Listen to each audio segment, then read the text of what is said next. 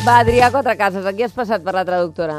Doncs avui, per trencar el gel de la temporada i el rovell de la maquinària, hi he passat l'ànima de la festa i líder del PSC, Miquel Iceta, que en una entrevista aquest cap de setmana a l'Agència Catalana de Notícies deia això. L'independentisme ha de reflexionar és en quin ambient es vol arribar a la celebració d'aquest judici.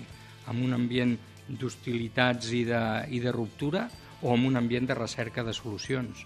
Jo no, no sóc jutge, però és evident que si es planteja una estratègia de ruptura i, per tant, la continuïtat de l'esforç eh, que ha portat a un procediment judicial, això dona un color. Si la via que s'emprèn és una altra, pot donar un altre color. I, I amb això que ha dit Iceta, què venia a dir? Eh, la nostra traductora mira de desxifrar-ho. L'independentisme L'independentisme en que faci bondat. arribar Com, com més bé es portin els que governen ara, menys rebran els que manaven abans.